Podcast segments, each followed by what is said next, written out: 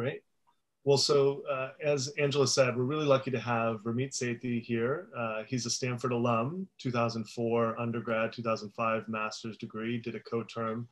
Um, he's actually uh, one of the reasons I'm here. Uh, his book in uh, I Will Teach You to Be Rich encouraged me as an undergrad to get into behavior design and seek out Dr. BJ Fogg at Stanford. Uh, which then put me on the path to, to focusing on behavior design and behavior change as the way to, to achieve aspirations, uh, whatever that is, uh, both professional, financial, uh, and other areas of my life. Um, Ramit, uh, as I said, wrote I Will Teach You to Be Rich, which is a New York Times bestseller, and hopefully he'll unpack uh, some of the elements in there, and we highly recommend uh, students read it. It's, it's a great action plan, very strong on here are the action steps you can take, and a lot of tools and resources. And he spent a lot of time uh, understanding uh, and looking at the psychology and behaviors of millions of people um, and coaching people in their 20s 30s and, and now even into their 40s i think he's following his his age as he goes along um, and and basically is exploring all the pieces of a rich life and not just some of the financial pieces but uh, building businesses earning money looking at your psychology so really fortunate to have him and uh, I'll, I'll, turn it over and, and, it'll kind of be a guided discussion but um, i'll let him take it from there. And then i'll stop sharing so you can see him as well. Thank you andrew. Thanks to everyone for having me. Hi everyone. Uh, thrilled to be here. We're going to have some fun today. Um, first of all, I want to encourage everyone if you are able to and you feel comfortable, turn your screens on. I love to see who I'm speaking to and I love to see the feedback. So if you're comfortable, I would love to see you on camera. Um, wow, we are going to talk about what rich means today. Rich has uh, certain connotations to it. And, uh, you know, when people hear I wrote a book called I Will Teach You to Be Rich, I'm like, oh God, I already know the first thing going through their head. This sounds like a scam. That's why I put that I graduated from Stanford. It's not for my ego. When they see that, they go, okay, I'll give this guy 10 more seconds of my time. And as you start to engage in the material, uh, I hope you quickly discover that rich uh, is a lot more complex and nuanced than what we think about in pop culture. Um, when we think about rich, we often have an old idea Richie Rich, wearing a top hat, a monocle, having to drive a certain type of car, and frankly, not being a very likable person. But when I think about rich, I think about things that are intensely meaningful to me. Um, I think about being able to travel and take my family with me. I think about being able to donate generously. I also think about being able to uh, pay for the things that make my life better. So we'll talk about money dials, but money dials are the things that you love to spend on. My money dial is convenience. So I love for everything in my life to be really meticulously organized and for everything to be in its place and i can find ways to to pay for that. That's value to me. For others the most common uh, money dial can anyone guess what the most common thing that people love to spend money on? Let's uh, type it in the chat. Just as a guess if i ask the average person what do you love to spend money on? Can you guess what the number one yep you nailed it. It's eating out food. That's easily number one. Number two is travel. And number three, health and wellness. These are consistent across different populations. After that, it drops down a, sh- a, sharp cliff. You get weird people like me who talk about the joy of meticulous organization. That's not in the top five, I can guarantee you that. But uh, those are some of the common things that we love to talk about. And I love to encourage people to spend extravagantly on the things they love, as long as they are cutting costs mercilessly on the things they don't. So, uh, today, um, with uh, the help of Andrew and others, we're going to go through questions and answer as many as I possibly can. Um, what you will see is that a lot of the training that I had at Stanford doing uh, STS, psychology, sociology, learning about human behavior really influenced my point of view on money. Um, I'm, I'm quite certain that I will get questions of, uh, uh, regarding some of the math behind investing. And we can certainly talk about that and the counterintuitive nature of compound interest. But what you will see is that once you get the basic stuff in place and really, really dialed in, money and a rich life is far more about psychology than about living your life in Excel. And just to set the stage for everybody, I spend less than one hour per month on my finances. And I believe that a rich life is lived outside the spreadsheet, right? So you're not going to find me typing uh, 50 million Monte Carlo simulations in Excel. That sounds like hell to me. I don't want to do that. But you will find me um, traveling or eating out, eating tacos in LA, etc. And that's what I really hope to share with you today. Uh, Andrew, should we? Uh, yeah. How do you want to proceed? Yeah, so I would love I would love for you to start off by unpacking uh, what you mean by rich and rich life, because as as Angela stated at the beginning, we've we've asked students to really think about uh, what financial wellness their aspirations, um, and especially because you've looked at uh, not only your own life but the lives of of many others. Like you brought up, you know, food's almost the number one thing, or that that people bring up. Um, but it would be great if you could paint those different pictures of uh, of what rich a rich life or being rich uh, means because we have such a diverse uh, set of students international students um, us students different states different backgrounds. Um, so getting a picture of that rich life uh, and what rich can mean um, to help students think about their own aspirations or put that in place. Perfect. Let me ask everybody here what does a rich life mean to you? And the one rule I have in your answers is I'd like to ask you to be ultra specific. What does a rich life mean to you? Be ultra specific in your answer in the chat room. Let's take a look at what some of the responses are.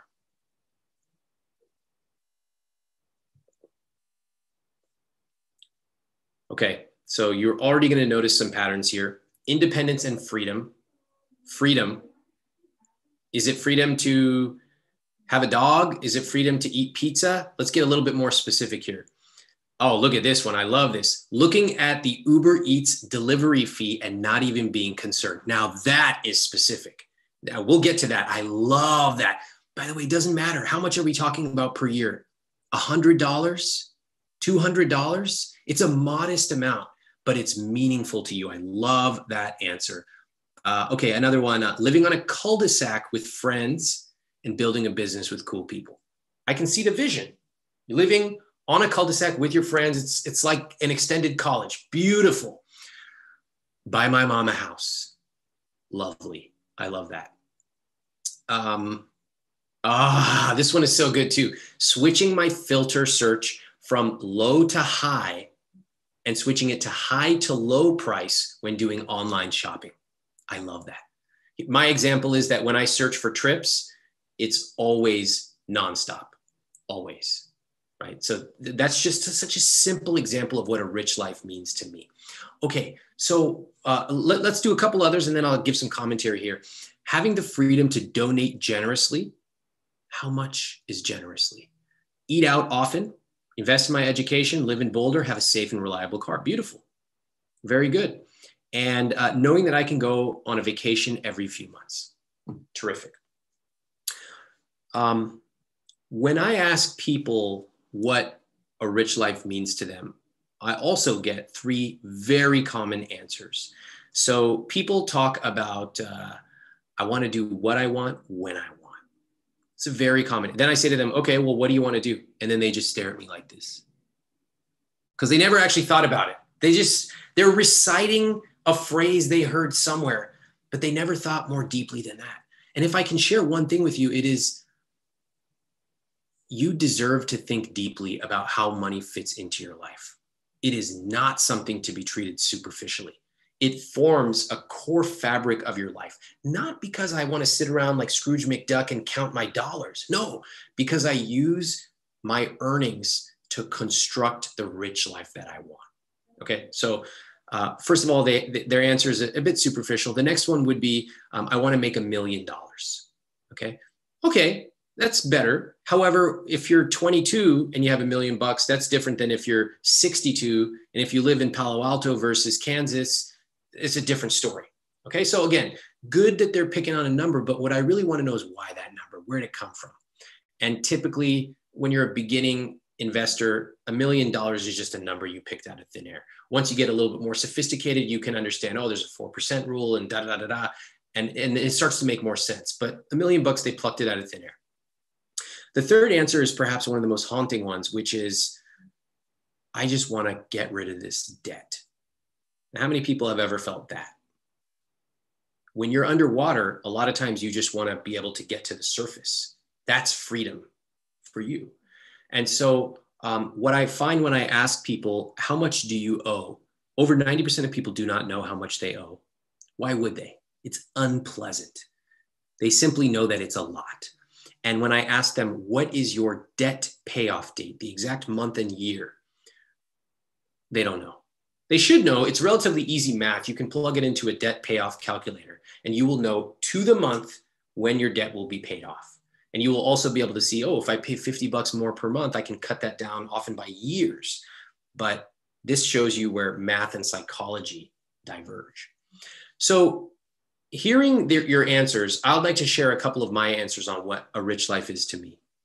Um, and I hope you don't need to use these. These are my rich life answers. Yours are different. But when I graduated, one of my rich life uh, ideals was to be able to buy an appetizer when I ate out. That's it. Simple. Because when I grew up, I grew up in Sacramento, um, four kids in my family. My dad worked, my mom stayed home. We would eat out maybe every six weeks or so. You know, Indian immigrants keeping, uh, we would find the coupons and we would wait till we got a really good coupon, then we'd go out and um, we would uh, never, ever order appetizers. It was unheard of. Anyone have a family where you grew up like this? It's like, that's just not an option. Appetite, turn the page on the menu and get to that stuff. And then don't you dare ask for an extra topping.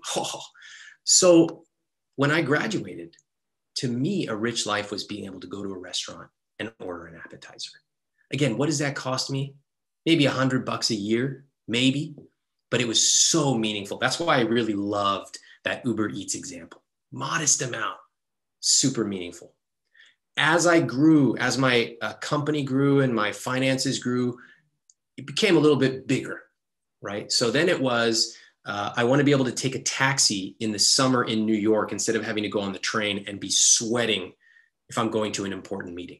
Again, what are we talking about? A couple hundred bucks a year, no big deal but super meaningful to me. Also, I don't like to sweat in August in New York. All right. Then it became much bigger. I uh, recently got married a couple of years ago. My wife and I decided we wanted to take our parents with us on the first stop in our honeymoon. And we just told them, just show up at the airport. That's all you need to do. And we'll take care of the rest. And they came and we, we, you know, took them to Italy and um, took them to a farmer's market. We brought a chef with us, picked out vegetables, cooked it together, went behind the scenes at the Vatican. These are the kind of memories that we used money to create. So you can see the progression of appetizers for 10 bucks and flying our parents to Italy. By the way, the funniest, well, there's so many funny parts on that uh, trip because, you know, most of us don't travel with our parents. So my in-laws were a little bit nervous about flying. They hadn't really left the country. And so when they finally arrived at the hotel, I said, how was the flight? You know, how was everything? And they said, you know, it was so funny. Um, we ended up sitting right next to your parents. Uh, what a small world. It's such a coincidence. And I was thinking, that didn't happen by accident. I had to plan every detail. But that was the kind of thing that gave us joy to be able to construct those experiences. So I hope you can see that a rich life for me goes beyond a Roth IRA. Again, we'll get into that. I have some um, visions of what a rich life is. You know, starts with family relationships. It means um, buying the best and keeping it as long as possible in whatever is financially affordable for me. I've set some rules for myself. So I have no limit on books.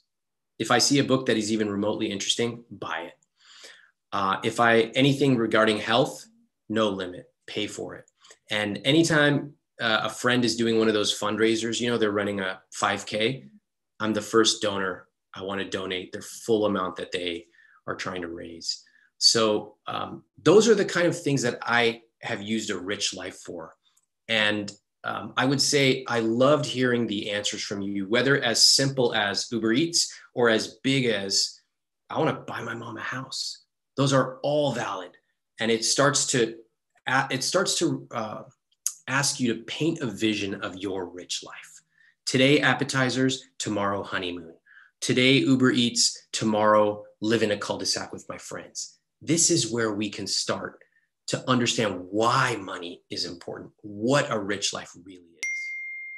And so, for those uh, for those that are listening and maybe feeling a little overwhelmed, the idea of you know, uh, like Ramit, you talked about taking both sets of parents on this honeymoon with you, and I know you had extended up for a whole six months. Uh, and taking that time that can feel six weeks i wish it was six months we might do that in the future but that can maybe feel a little overwhelming yeah. Uh, and one of the things we talked about in class is once you establish your aspiration it paints a clear picture of what you're working towards. Um, so maybe uh, if we can shift a little bit now even to to talk about how do you how do you get there? Like what were some of the steps that you took um, and that you would encourage people to take? Um, like i know you have for example the ceo strategy because one of the barriers potentially is that you might be spending richly in one area and money is also filtering out into every other area that that you don't care about. Maybe Yeah. you're spending on taxis and you don't care about taxis or you're going out to eat and you actually don't care about about food as much. Um, so talk a little bit maybe about the strategies that that you've used and evolved over time some of the specific behaviors. Um, so if this feels overwhelming to some people like oh i'm not going to dream for uh, a six week honeymoon with family because i don't you know I, I don't want to feel a slave to a job or whatever what are some of the things that we can do both psychologically and and tangible steps Um, first, I think that um, there's nothing wrong with dreaming big, but dreaming big is a skill that is taught. So when I was a junior, I started, uh, well, actually, sophomore, junior, I started to teach other people in dining halls about personal finance because I had learned myself. And I originally, back when I was in high school, I had taken some of my scholarship money, invested in the stock market because I thought I was a genius and lost half of it. And that really humbled me. And here I am at Stanford learning about personal finance, also learning about human psychology. And I started to figure it out how it really works. And so hearing my friends in, you know, Toyon and other places complaining about some overdraft fee. And I said, let, let me just help you out. I got a free one hour class I put together. And everybody said, oh, that sounds awesome. And then they never showed up. So, uh, so first of all, congratulations to the instructors of this program because it is really hard to get people to show up to any class about money. I failed. I couldn't get them. I couldn't even get my own friends. These are like my best friends. They wouldn't even come to my free class. So finally, I said, these lazy college kids, maybe I'll just start a blog. Maybe they're just, they're not comfortable coming in person. That turned out to be a good bet. And once I started that, people started coming to the site and reading it and leaving comments. Um, back then, my friends had started working at Google and they encouraged me to set up ads on my website. And speaking of dreaming, I told them this. I said, look, I don't want to put ads unless I can pay for my rent. So basically, either in the dorms or when I was living in Mountain View. And my rent at the time was like 800 bucks a month. So think of my dream. My dream at that point, my ceiling was $800 a month. That's how much I think this thing will ever make. And I don't even think I can make that. So forget it. I never put the ads on. I wasn't equipped to dream bigger. If someone had said to me, well, why don't you just, why don't you make $8,000 a month? I'd be like, what? I can't even cover my rent with this stupid blog. So, Andrew, I'm glad you bring up this concept of thinking big. If you're sitting here and you're hearing, uh, you know, someone talking about taking a six-week honeymoon or um, paying for their mom's house, that can be overwhelming, and that's okay. The what I would encourage you to do is to pick that thing that is a rich life to you. For me, the taxi example, and to really do it and to feel it even if it's a $10 expense. Oh, I can upgrade to an extra large. Great. That's a rich life. And then let's talk about some of the behaviors that will enable you to dream bigger. A couple of things that were meaningful to me. One was starting early. Um, as you have no doubt learned, uh, the power of compound interest is highly counterintuitive. So even if you start investing even a tiny bit at the age of 20, 21, 22, you will be far ahead of people who start investing thousands and thousands of dollars a month in their 30s. And trust me, I'm 38. It goes by really fast. I feel like I just graduated yesterday. But those 18 or so years were transformative for me to invest. Just small amounts and then larger as I could, starting there. Another um, issue was to really be intellectually honest about what I liked and what I just didn't care about. So I liked going out with my friends. I liked um, grabbing drinks in San Francisco, and I liked um, traveling and visiting my friends. I was spending on those. I was not holding back. But there are other things I just didn't really care about. I didn't have the coolest apartment. Um, I had a normal car. I still have the same car I bought right out of college. It's fine. You know, um, you could probably guess the car I have just by looking at me. I look like I drive a Honda Accord. That's what I drive. It's a Honda Accord, four door. It's fine. It's a good, reliable car. It's fine. My parents are very proud. Oh, my Indian son bought a Honda Accord. Perfect. That's it. Simple. Okay. And then I will say one last thing. I was comfortable making unconventional money decisions. Let me give you an example. How many of you expect that at some point you will get married in the future? Many, if not most of us, expect at some point it will happen. I knew that eventually I would get married. I didn't know to whom or when, but I knew that statistically it's probably likely. And so I started saving in a specific sub savings account for a wedding before I even met my wife. I saved for an engagement ring. I saved for uh, a honeymoon and all this stuff. And again, the amount was small because I knew that it was probably not going to be for a long time. So even like 20 bucks a month or 50 bucks a month, it starts to add up over time. And that is how we got to take that amazing honeymoon. It's not some amazing stock pick. It was simply unconventionally saying, I know where I'm probably going to end up one day. And if I start now, even though people think it's a little weird, and they did think it was, they're like, you're saving for a wedding. You don't even know you're, you're, you're single. I'm like, I know it's weird, but that sub savings account is crushing it. I'm just going to keep that automation going. Again, we know where we're likely to end up in our lives. So if we just acknowledge it and start planning for it, suddenly we can live as rich of a life as, as sometimes we didn't even dream. I like how you how you broke that down because um, one of the things that we did again early in class was to plan out and look 20, 30, 40 years into the future. Uh, and, and maybe what we haven't done is really tied that back to, like you said, the sub savings account where, hey, I'm probably going to get married someday. And worst case scenario is if you didn't get married, that money's there. You can yeah. take, a, take a trip. Um, so you were starting to set that up early um, and then what you can do is as you get closer to those those times, you can s- scale it up, or as you start yeah. to make more money, or as you uh, do those things. The second thing I, I really liked, and, and I know that this is true for you, so I'd love to hear other examples. You know, you talked about the Honda Accord, right? Everybody sees, uh, probably heard you in your travel and thought, wow, Ramit must be rolling around in, you know, a Mercedes or some other car um, what are some other examples of, of if you know someone showed up on your doorstep, uh, knowing that you were a New York Times bestselling author and running your business and, and, doing some of the rich life things, that they would say, "Wait, is this the same? Is this?" Yeah. Well, I'm very transparent um, with my lifestyle. So the things that I really care about um, are convenient. So I have an executive assistant who's just amazing, and I care about my health. So I have a personal trainer. On the other hand, until last year, I was running my entire business on an eight year old MacBook Air.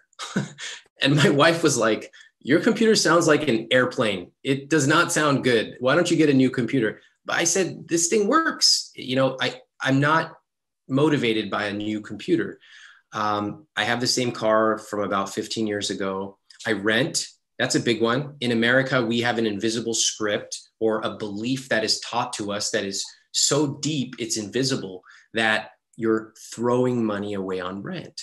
And as you'll see in chapter nine of my book, do you ever say, I'm throwing money away on the restaurant that I ate at last night? No. You paid for a salad and you got a salad, and that was great. But in America, we are taught that um, buying real estate is a great investment always. And when you run the numbers, particularly in high cost of living cities like San Francisco, Palo Alto, Man, uh, New York, oftentimes you will find that that's not the case. And so renting for the last 12 or 15 years or whatever has been an amazing financial decision. And also like i said i just i don't want to have to repair stuff. My my rich life is never having to walk into a home depot for the rest of my life. And so i just text the landlord and say hey you know something fell down over there. Can you fix it? Done deal. So again just know who you are. You like repairing stuff? Be my guest. But let's get clear about whether it's a good financial decision. And and uh, go a little further on the rent because I, I, think um, you know, if someone doesn't, you're like, I'm guessing you're probably taking the difference, right? You looked at what's yes. the buying a home, so you did a little of the work, yeah, um, to figure out that that you could actually take the savings that, of rent versus buying and do something else. And I'm guessing one of the other things is potentially invest it or spend that money on other things that are rich life for you. Yes, let me explain a little bit more. Again, I've written about this a lot and it's highly controversial, though it's not if you understand math. So, in high cost of living cities, like I used to live in Manhattan, what I paid for rent to live in that particular unit, if I had bought that same place, I would have been paying approximately twice as much. Why? Because when you buy it, you're paying tons of phantom costs. Anyone have an idea of what these phantom costs might be? Type it in the chat room. What might a phantom cost of owning a house or an apartment be? Property taxes. Yes. What else? Home improvement. Yes. Repairs. Yes. Very good. What else? Insurance. Terrific. Very good. HOA fee. Okay, you guys are you guys are nailing it. Perfect. So guess what? Um, in people think, well, your landlord just rolls those into the price of your rent. Wrong. Your landlord can only charge what the market will bear. Sometimes they make money, sometimes they lose money, sometimes they don't even know if they're making money. So I can tell you factually, if I had bought the apartment that I was living in, I would have paid close to double. Now, Andrew's question is really good because the only way you actually make more by renting is to take the difference and invest it, which I did. And I set it up so it was automatic. You know, I'm not I'm not sitting there any month like deciding what to do. That's been decided 10 years ago. And then I built a system to automate it. This is how in certain cities, again, like the high cost of living ones I said, and some others, uh, if you choose to rent, you can do it. You can even rent a nicer place than you might be able to afford to buy. And you can take the difference and amass quite a large portfolio. Now, eventually I will buy. I have a sub savings account set up for a house right? I've already been investing that for years, but I don't feel the need to, and that's okay. And, and I hope that if you take another thing away today, it is your rich life is yours. If you want to buy, run the numbers and be my guest. If you want to rent, also be my guest. Hey, if you want to buy and it's actually a bad financial decision, but you know that, also be my guest, right? When I buy my house one day, it's going to be a horrible financial decision. But not everything in life has to add up on the spreadsheet perfectly. So that's what a rich life is. It's well considered, but it is yours. Yeah, I love that. So the other thing, yeah, I love the the uh, computer example. That was one that I thought of in your your car example, right? So like, because uh, I think that that concept of spending extravagantly, people forget the other half, that cutting mercilessly, like. Um, but it also gets, I think, to this money and relationships and the scripts uh, so I'd love to hear a little bit more. You know, you've you dove in over uh, years and years of working with people, um, and, and, I think we we did some work in the class on the money scripts, helping students dive in and understand. You know, what are their uh, you know psychological either baggage or benefits, right? This the way they think about money. Um, I think your perspectives on that would be really helpful, um, and again, showing some of the dynamic natures yeah. of those money scripts. So let me ask a question for everyone. If you could type this in the chat room, what is a money message that you remember hearing growing up at home? So let's put ourselves in the mind of being at the dinner table, maybe, or in the family room, and it could be with a parent or parents. What was a phrase or what was something you saw them doing with their money? Let's take a look at these. Oh, I love it. Save for a rainy day. Okay. A penny saved is a penny earned. Oh, okay. We can't afford that. Credit cards are traps. If you can't afford it, do without it. Oh, never spend more than you make. Make more than you spend. Profoundly different, aren't they? What else? Uh, how about we don't talk about money in this family? Hmm?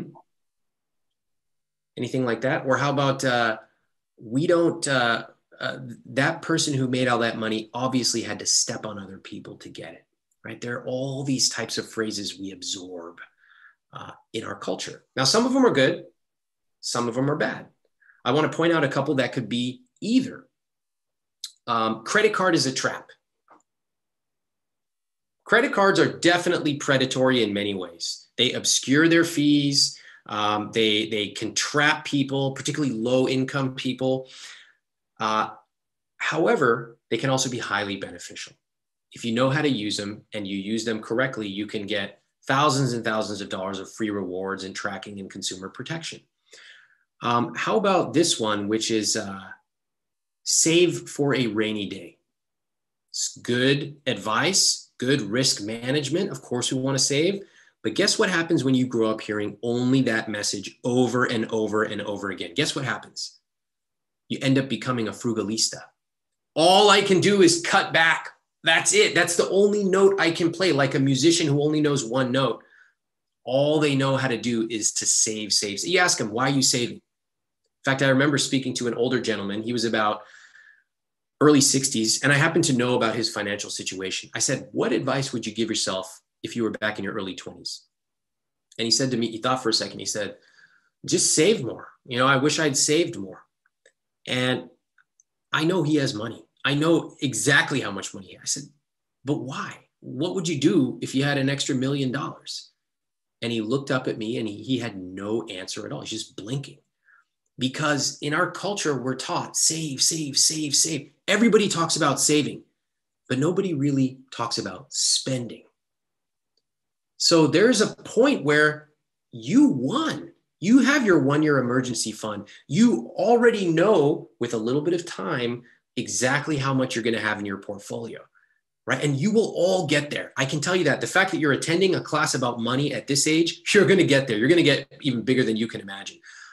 That's why I want you to start thinking about what is it all for right now, right? Yeah, max out your 401k, max out your IRA, all that stuff. Yes. But then what? What's the point? And so when I come back, uh, you know, and I speak to you, hopefully, you, you know, you stay in touch with me via email. I want you to email me in two years. Oh my God, my dream back then was, you know, to be able to buy a salad without having to worry about it. And now my dream is a hundred times bigger. Um, so those are some of the ways that I'd be thinking about this um, at this point. Now, um, Andrew, to your question about money and relationships, many of us carry these invisible scripts with us for 30 or 40 years. We don't even know they're scripts. That's why they're called invisible scripts. So our parents might be telling us we don't talk about money in this house. Okay, well, guess what happens when you get into a relationship? You start to not talk about money. You avoid it because that's bad. Or suddenly you make a ton of money at a job and you feel super guilty or you can't i get this all the time. I've made good money but i feel guilty every time i spend anything. Okay? Where, where do you think that comes from? It didn't just come from nowhere. Look back. Look back to where you learned your original money messages from. So andrew maybe we can talk about you know what happened when i got married uh, or some of the things that i've heard from other students but you tell me what would be most helpful here yeah, I think the dynamics of either your parent dynamic, right? Because I know that you had some of these money scripts potentially from your family. You learned some great things and, and some things you maybe had to work off. So I think a lot of students might have that similar situation. Uh, I know even some relationships in the past, we have students that are, are grad students or potentially they're in, in relationships, maybe living with somebody. Uh, so I think understanding that, because it, it goes back to, I think, getting help, whether it's being able to have conversations with your parents, uh, a mentor and understanding where you're coming from so you can open up and, and have those conversations. So yeah. i think a couple examples that you've um, experienced in your life. Growing up with um, my indian parents you know by just by definition we learned about frugality. Um, we had to our, our vacations just to put it in perspective were uh, driving from northern california where we lived to southern california to visit family we would stay with them. Uh, we would stop on the side of the road. My mom had packed lunches and we would eat. Why? Because we're not gonna, we're not even gonna eat at McDonald's. That's too much money. Okay. And um, uh, you know, I remember the only international trip we ever took was we would go to India every five years or so. But we actually to this day we've never all been there at the same time because how can our family afford all those tickets at once? Um, so you know, but at the same time we were very active in sports and all kinds of stuff. And only in my 20s I asked my parents, "How'd you do it?" You know, raising four kids, a one income and I learned all these things I had no idea. I would encourage you to do the same. I used to play soccer as a kid, and um, at that time, I think we had three or four kids in soccer, right, in my family. And that's a lot of money for uniforms and all that, uh, pizza parties and stuff. I found out that my mom called up the uh, soccer league and said, Look, I can't afford all these fees. So is there any break you can do for me? And they told my mom, if you come and chalk the fields before the game, we will waive some of the fees. So in my 20s, I found out that my mom had been chalking the fields before the game, you know, literally going out there with the chalk so that we could play soccer. Now that affected me, right? That taught me, first of all, you can do a lot with a little bit of money. You can get creative. Um, and in fact, without even knowing that story, I remembered when I applied to college, you remember how much the application fees were? I don't know if they're still the same, but back then a lot of colleges were charging 50 bucks for an application fee times however many colleges. So I wrote them a note. I said, look, if you really need the money, please tell me, but I'm applying to a lot and this is uh, a hardship on our family. And um, so that was like a message that our family kind of absorbed, which was get creative, right? Ask for what you want. What's the worst they say? No. That was a lesson I learned. That was positive. But I also remember um, some other lessons that I think I've outgrown now. Um, I remember once we went to a gym, and when we walked into the gym, there were these people sitting down behind glass doors. And I asked my parents, I said, Who are those people? And, and their response was, They're just people here to take your money. and they were actually personal trainers. Okay. But but coming from my parents' perspective, those people who charged what $75 an hour back then that's just a ripoff just go use the machine you know do some push that thing a little bit you're good that was the mentality of if they're charging more they must be trying to rip you off if that sweater costs twice as much as what we get that's just that's just marketing and i had to really change my perspective and outgrow that um, I do think there are some things that I just don't care about. Like I don't know anything about wine. You give me a $500 bottle of wine or a $10 bottle of wine makes no difference to me. I couldn't tell you the difference. I'm not interested in it. But there are other things that I really know. I love, love, love certain things, and I will spend a lot on it. To change my mentality from seeing the world through the lens of cost, which is one money lens, but then to realize there are other lenses in life. Can anybody think of another way to look at money? Cost is one. What's the cheapest one? What are some other money lenses that you might look at the world through? Um, let's take a look in the chat room. Value. I mean, to put it plainly, you could all be going to a much cheaper school right now. Why are you guys here? Okay. Value. Utility. Very good. Um, I want to get this product because it has an additional feature. Very good. Access. Very good. I want to pay more to sit up front at a concert. Very good. Convenience. Now you're speaking my language. Oh, wow. Love it. Yes, I want convenience. I don't want to have to think about it. Tell me the program to follow, etc. What else? What if um, I'm I have a family and I'm buying a car? What am I thinking about? Am I getting a Ferrari? No. Let's pretend I have two kids. What am I thinking about? when I go to buy a car. Safety, very good. And safety applies also uh, security. If I'm taking my parents out to dinner, I don't want some dangerous uh, neighborhood. You know, I'm willing to maybe pay a little bit more, know that we're going to get in, we're going to feel good. Good. Now we're starting to realize there are so many notes you can play with money, right? And, and guess what another note is? Pure desire. I have some things I just makes no sense on paper. Guess what? I want it. Perfectly fine. As long as I can afford it, it fits into my system, it's good.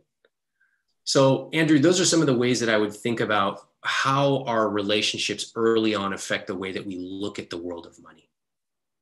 Yeah, that's great. And uh, another thing that I think's come up a few times in the class, either directly in class or uh, inside chats or with questions, um, is also because uh, we give out a survey at the start about um, like locus of control, right? How much control do you really have?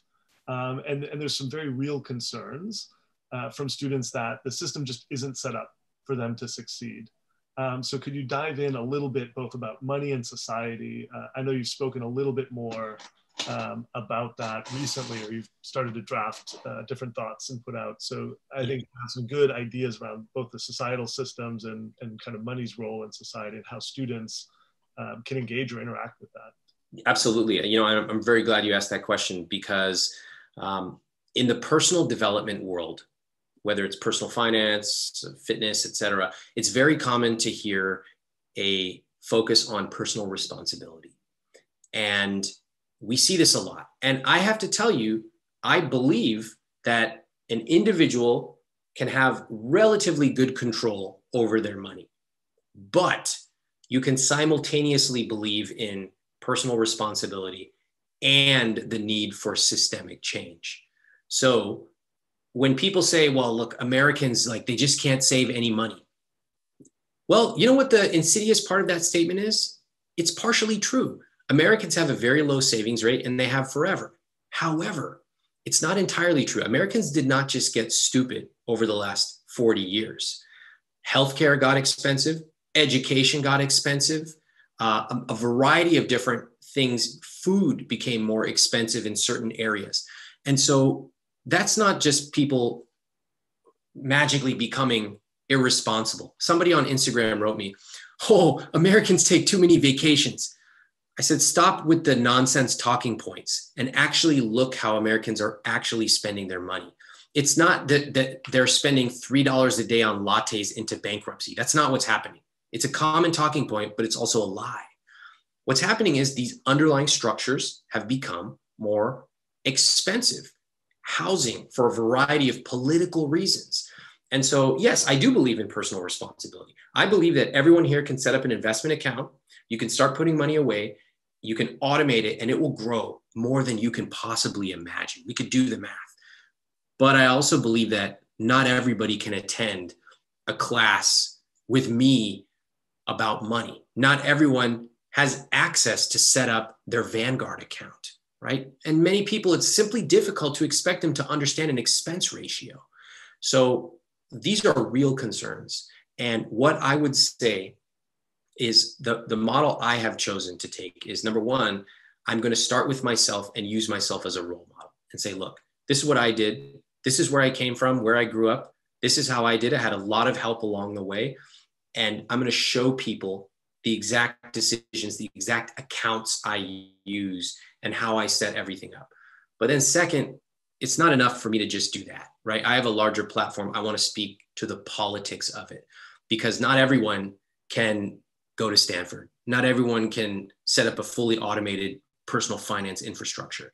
And even if you can't do that, you should be able to you should be able to at least have a pretty good life. That's my belief. It should be easier to have a pretty good life in this country.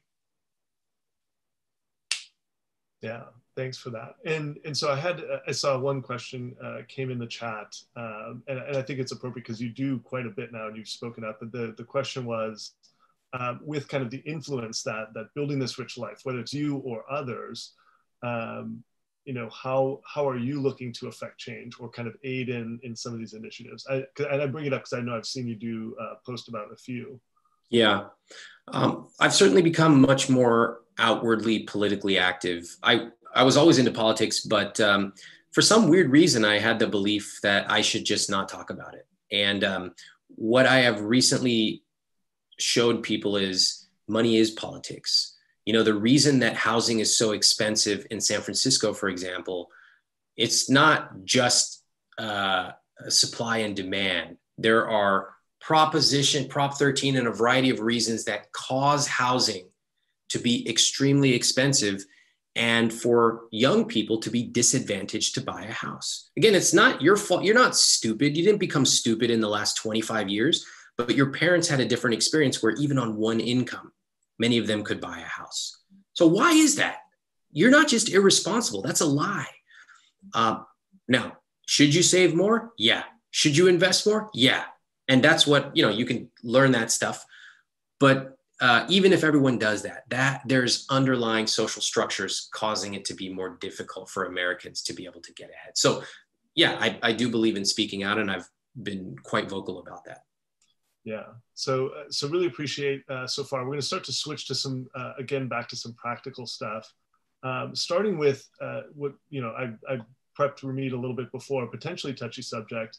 Uh, throughout the class, we're trying to share real examples, uh, and again, talking about that rich life, you know, but also, you know, what are some mistakes? Because we, one of the things we talked about is you're going to make mistakes young, and and yeah.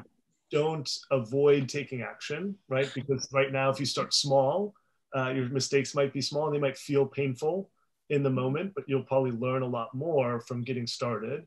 Um, are you able to share? Would you be open to sharing some of the mistakes you maybe made early on? Yeah. Felt, and then what you've been able to kind of learn or take from that. Yeah, you know, I hope that everyone here is a little bit less rigid about money. Um, that's my experience, and ironically, I think um, I've spoken to Stanford students before, and you know, you guys are in generally a very good position um, as you have exposure to so many amazing ideas and access. And sometimes I find that uh, everybody's a little rigid and I want them to loosen up. Hey, you, you lose 500 bucks because you made the wrong move. In the grand scheme, is it really that big of a deal? No, I want I want this to be fun, right? I remember I get these IG DMs all the time. They're like, Ramit, uh, I'm left-handed and uh, I live south of the equator. Um, will your book work for me? And I'm like, how old are you? And then now they know that they're in trouble because I'm walking them into a trap. They don't know what's going to happen, but they know it's not going to be good for them, so, which I love. I'm like this. How old are you? They go 24. I go, how much do you make per year? Oh, I'm not comfortable. Just give me a ballpark. Uh, $60,000 a year. I said, over the course of your lifetime, how much do you think you're going to make in investments? They have no clue. I said, ballpark it. 10K, $1 million. What are we talking? He said, ah, probably over a million dollars. I said, You're going to make a million dollars and you're debating over buying a $10 book? send me a picture of the book once you've read it. And that really puts into perspective that people agonize over these $3 questions, but they should really be asking $30,000 questions. So, some mistakes I made, just so you know that this stuff is normal. When I was a teenager, my dad helped me open up a custodial account. I was too young. And I thought investing was like picking stocks. Ooh, I'll pick this stock and that stock. Most of the stocks I picked went out of business.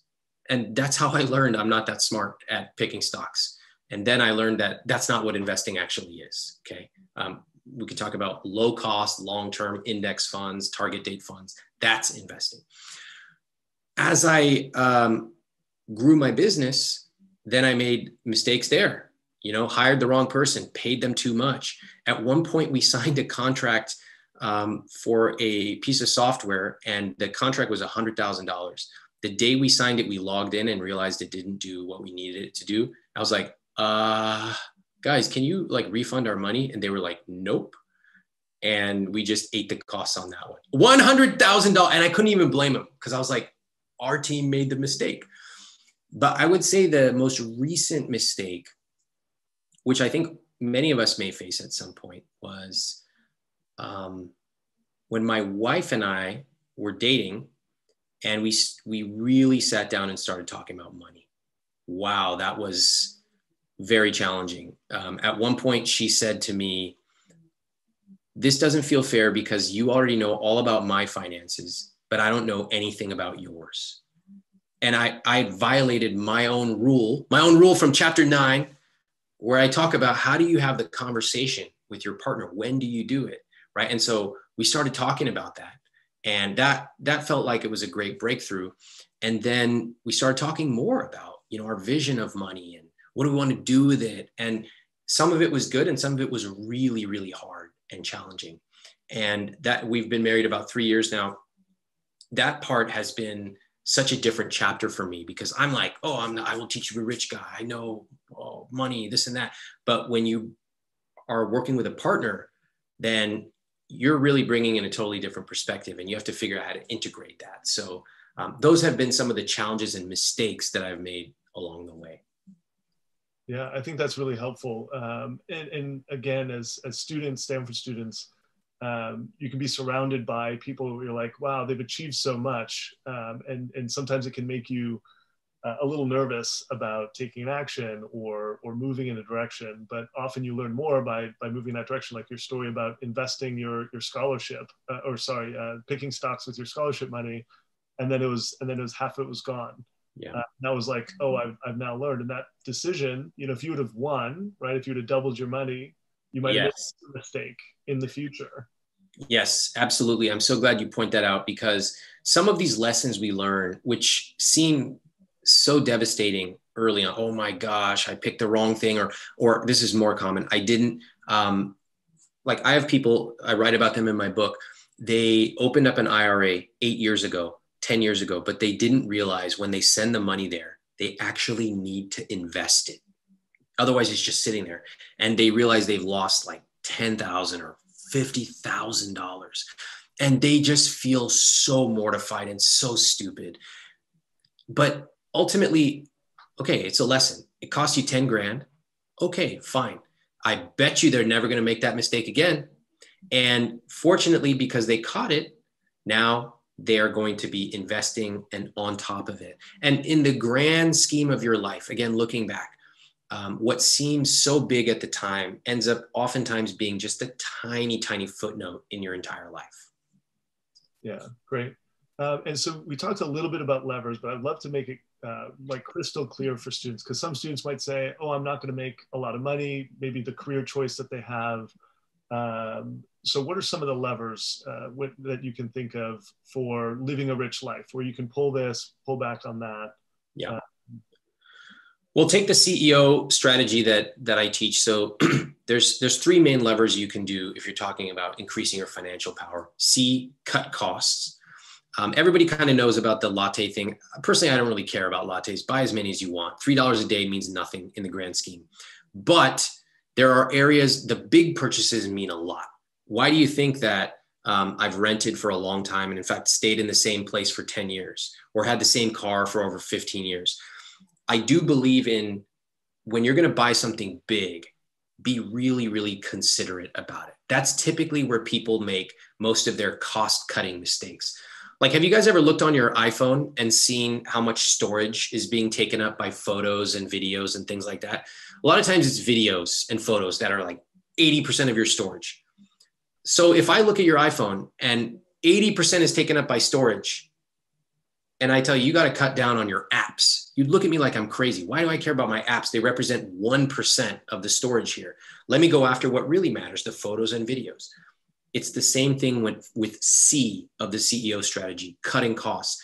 Go after the big things. If you can lower your rent, either through negotiating it, which is very possible, or moving to a different place, that might save you hundreds and hundreds of dollars.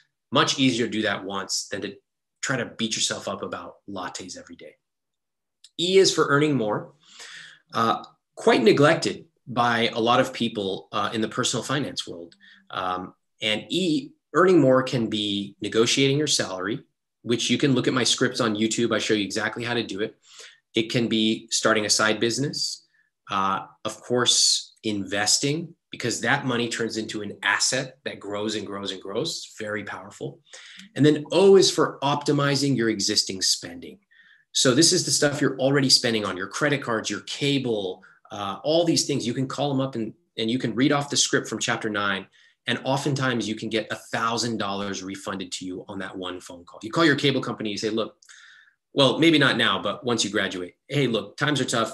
Uh, I got a competitor offer offering something at 60% the rate. What can you do for me? Oh, sir, I'm so happy you called. We're able to lower your rate for the next 12 months. Thank you very much. That's 600 bucks in my pocket. Okay. And then by the way, what would you do with that 600 bucks you're not paying anymore? Anybody know? You're, let's say at that point you just graduated, you got an extra 600 bucks a year what would you do with that money? You have lots of options. There's no wrong answer. Somebody said lattes. That's correct. You spend all of it in one day on lattes for everybody. Great. Invest it. That's a powerful, powerful thing you can do. You put that money aside. Again, you create some rules for yourself. You know, I created a rule where I, when I generate unexpected income, I'm taking 50% of that and spending it right away on something awesome. And then 50% of it, I'm investing it. Okay. So you get to create these little rules for yourself. And eventually you have this beautiful system where you're rewarding yourself, but you're also growing your financial power. So CEO, cut costs, earn more, optimize your spending. Yeah, and I, I love that. Uh, one of the things we're trying to do for students is give them some of these tools and resources. Uh, you know, I got that from your scripts. I really love that idea. It can feel overwhelming to call a credit card company or call a phone company or call a, a, a cable company. Um, and so Ramit's done a great job of making it easy, right? Just read the script off. Um, and then if it does, what's the worst that could happen? They, they say no, and you either get that other offer or you're paying the same that you were paying before. So love that as a practical tip.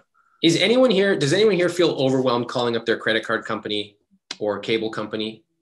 L- let me just get a show of hands. Okay, okay. So this makes me happy to see because, wow, I learned when I was studying at the Persuasive Technology Lab and, and other places about human behavior and money. And I just want to share something interesting with you. Almost every personal finance book starts with chapter one telling you to do the same thing. You know what they tell you to do? Get all your spending and let's figure out how much you're overspending by. And then people go, This sucks. And they put the book back on the shelf and they never read another money book ever. Because who wants to do that? It's not fun. You know, you messed up somewhere. You don't know what, but you know you're wrong. It's terrible. So, chapter one of my book is based on psychology, which is everybody's got a credit card. Everybody misuses their credit card because you don't understand all the perks you get. Like this phone automatically gets a one year extended warranty if you buy it with a credit card. You didn't know that. And did you know that if I buy this phone and I drop coffee on it tomorrow, they'll write me a check for a new phone? No, you didn't know that. Nobody knows this stuff, right? So I put this into chapter one. And then I said, you know what? You guys are all paying these late fees you're paying all these transaction fees. Read this exact script. In fact, call this phone number and read these words off the page. And people go, "Oh no, no, I don't, I, don't use the phone. Okay, I'm a texter." I said, "Just pick up the phone." So they pick up the phone. They they literally read these words like a kindergartner, and the rep goes, "Oh, ma'am, I'm so thankful that you called. Uh, we'll be happy to refund your thirty-seven dollar fee." And they go like this.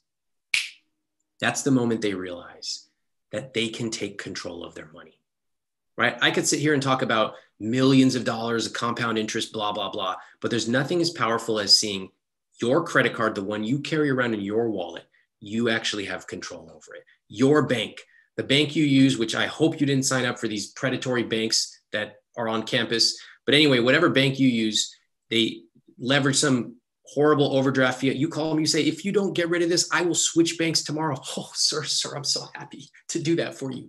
Boom, you realize you're in control, not them. And that's a transformative moment in personal finance. Yeah, and, and we've talked about it being a product, just like a shirt. You know, if a shirt doesn't fit, or if you go to a restaurant and the food's cold, right, you'd send it back, or uh, things like that that were maybe more comfortable uh, returning or giving back. And again, I think that's a script that we potentially have around money is, oh, this is a benefit to me. And we don't realize the reciprocal benefit that a bank or a credit card gets uh, with you being a member or using their products. Yeah, they need you. You guys have so much control. You don't understand. You can switch credit cards. You should. I see some of the horrible names of these banks right here in the chat room. Get out of those banks. They're terrible. They're, I, I name the names um, in in my book the the good ones the ones that i use and also the ones that i absolutely detest get out of those banks you guys are too good to be letting banks control your money they work for you keep that in mind yeah, and Angela clarified in the, in the chat, you weren't necessarily talking about the credit union. I don't think, right? The Stanford- no, no, no. I wasn't talking about the credit union. I have nothing against them. I, you want me to name the names? Sure. Yeah is anyone here on Wells Fargo or Bank of America? Just get out. And uh, you know what I always love hearing? They, they go, Ramit, my mom signed me up for that when I was 13. I'm like, and you have a you have a, a love for a multi-billion dollar corporation what are you talking about get off those banks get onto the good banks there are awesome banks For checking, where you have to pay no fees, you withdraw from any ATM, fee refunded. There's also great savings accounts, and those are all Ally Bank. Those are great. Schwab for checking is great. There are many, many good banks these days where everything's online, it's perfect, and you don't need to deal with any fees from these banks anymore. Yeah, perfect. And that, that gets into the next kind of tangible question. Uh, we, we ask students to check off products that they have, products that they might need. Would love to get your sense. You don't have to share which brands, uh, but you know, how many savings accounts do you have, right? If we talked about savings, savings accounts, how many accounts do you have or sub accounts? Oh, good question. So um, to start off, when I started off, I had one savings account and one checking account. In the savings account, I had sub savings accounts. So I had, uh, you know, wedding, I had vacation, etc. Then I started to get a little bit more specific. I had one called Stupid Mistakes because I found that regardless of how diligent I was, every year I would have like I would get a, a parking ticket. So after a while, you start to be like, you know what? Why don't I just plan ahead? Let me just put 20 bucks a month. And then at the end of the year, if I still have money, I'll just take it and spend it half and invest half of it. Great. You start to be able to breathe a little, be proactive. Over time, I started to add on more savings accounts. But for the vast majority of people, one savings account with sub savings goals is great, and one checking account. So the way that the structure works, almost like your email inbox, your money or your paycheck comes into your checking account, and then it's filtered to the different accounts. Right? Some of it will go to your vacation sub savings account. Some of it will go to buying a house sub savings account or whatever, a nice dinner out. And then some of it will go to pay your bills and some of it will be guilt free. This is in chapter five, or you can look up my automation strategy online and you can see how it all works. Yeah, great. How about investing tools or resources? Uh, how many products do you have related to, to your investments? Very few. Um, guys, uh, my personal finance infrastructure is very, very simple. Um, the more uh, the more advanced you get, the more you have to fight for simplicity. So I have a simple list of banks that I use. I have no apps. I don't use apps on my phone. Why? Why do I need to check my money on my phone? Why would I? Everything's running in the background, right? I'm not sitting around walking on the streets and, oh, let me check my interest. No, I don't care. It's being handled. So I, I love Vanguard. I think they're awesome for investments. Um, they are the company that I recommend. I don't have any deal with them. They're great, low cost. Um, and there are other good invest discount investment brokerages that you can use. Um, but overall, Vanguard or some of these, some of their other competitors are very good. I really don't like um, some of the apps you've heard about in the news recently that are almost engineered to get you to trade. In fact, if any of the apps you're thinking, first of all, don't use apps. But if any of the websites or apps have the word trading in it, just close the window. You are not a trader. Traders lose money. Okay. They don't know it until about eight years, but they all lose money. So you don't want that. You want boring. Personal finance is boring, right? You want entertainment, watch TV or get a dog. Personal finance, it's boring. But the fun part is what I get to do with the money? That part is fun. Yeah. Uh, what about building credit? So products around building credit, whether it's credit cards, loans, what, what are some of the things that you either have or have had throughout your? Yeah. So I, I definitely am a proponent of using credit cards. You want to use them wisely. Um, I don't believe in telling people don't use credit at all. I think that's uh, actually quite demeaning. I think people are smart. If they come to me, they clearly want to learn. I'll tell you the credit cards I use, and then I'll show you what you might want to use if you don't have any credit cards. So the credit card I use uh, one travel and one cashback card. So um, frankly, you don't even need both of these. You can just ask yourself, do I travel a lot? Or if not, use the cashback. The um, one that I use for travel is called the Chase Sapphire Reserve Card. Many of you have heard of it. It's probably the best one on the market, but it has a annual fee of around 500 bucks.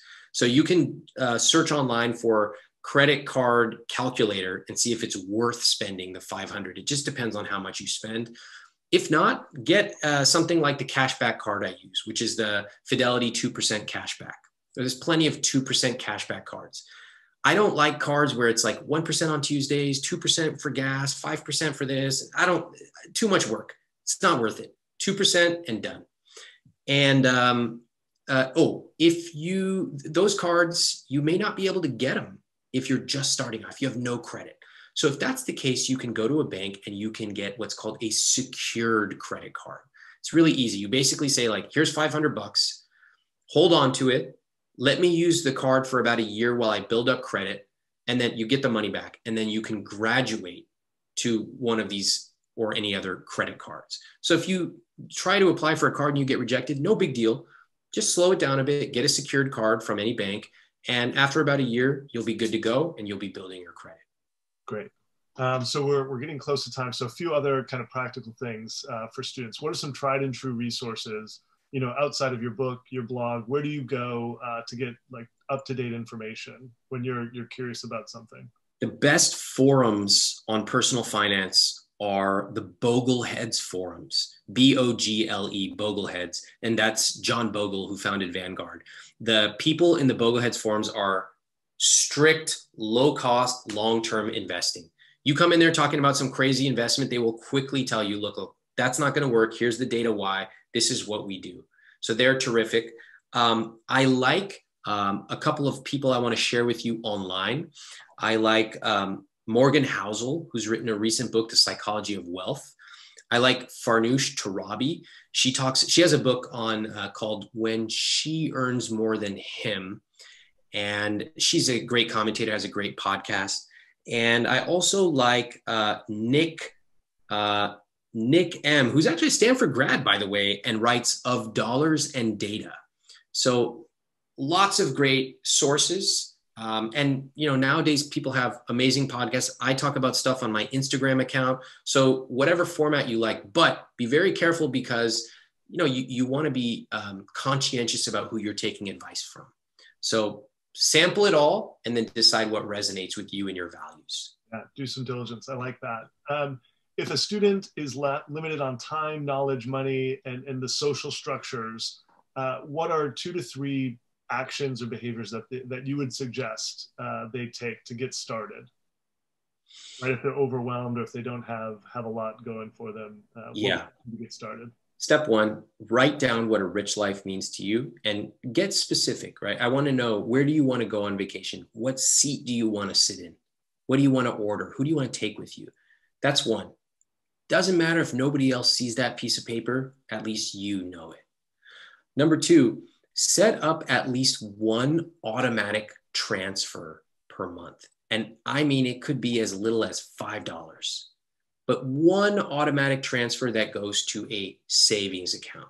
Because what that means is that you've set up your basic infrastructure and now you have money flowing from one place to the next. You just do those two things, and that is going to demystify a whole bunch of stuff. From there, yes, you can set up IRAs and you can set up sub savings. But if you just have $5 flowing from here to your savings account every month, that's about 40 or 50% of the work. Amazing. Um, well, we really appreciate uh, you taking the time. We got to do some some class announcements. Um, I, I, see in the chat that a lot of students were interested in those names. Uh, if we could follow up with you, Ramit, to get yeah. that information. Uh, the different names you recommended. Uh, you know, we'll, we'll check even on some products. Obviously, students check out Ramit's resources. Um, he's done a ton of work uh, to consolidate and bring all of this. He's already thought about a lot of the psychology, um, and it, it, it, aligns with a lot of what we're trying to teach in the class about defining a rich life, uh, taking those steps. So we really appreciate you uh, joining us, and we're going to do a raffle. So I'm going to switch to Angela. I'm going to represent, uh, share the screen so that she can do that, and then we'll we'll send everybody off.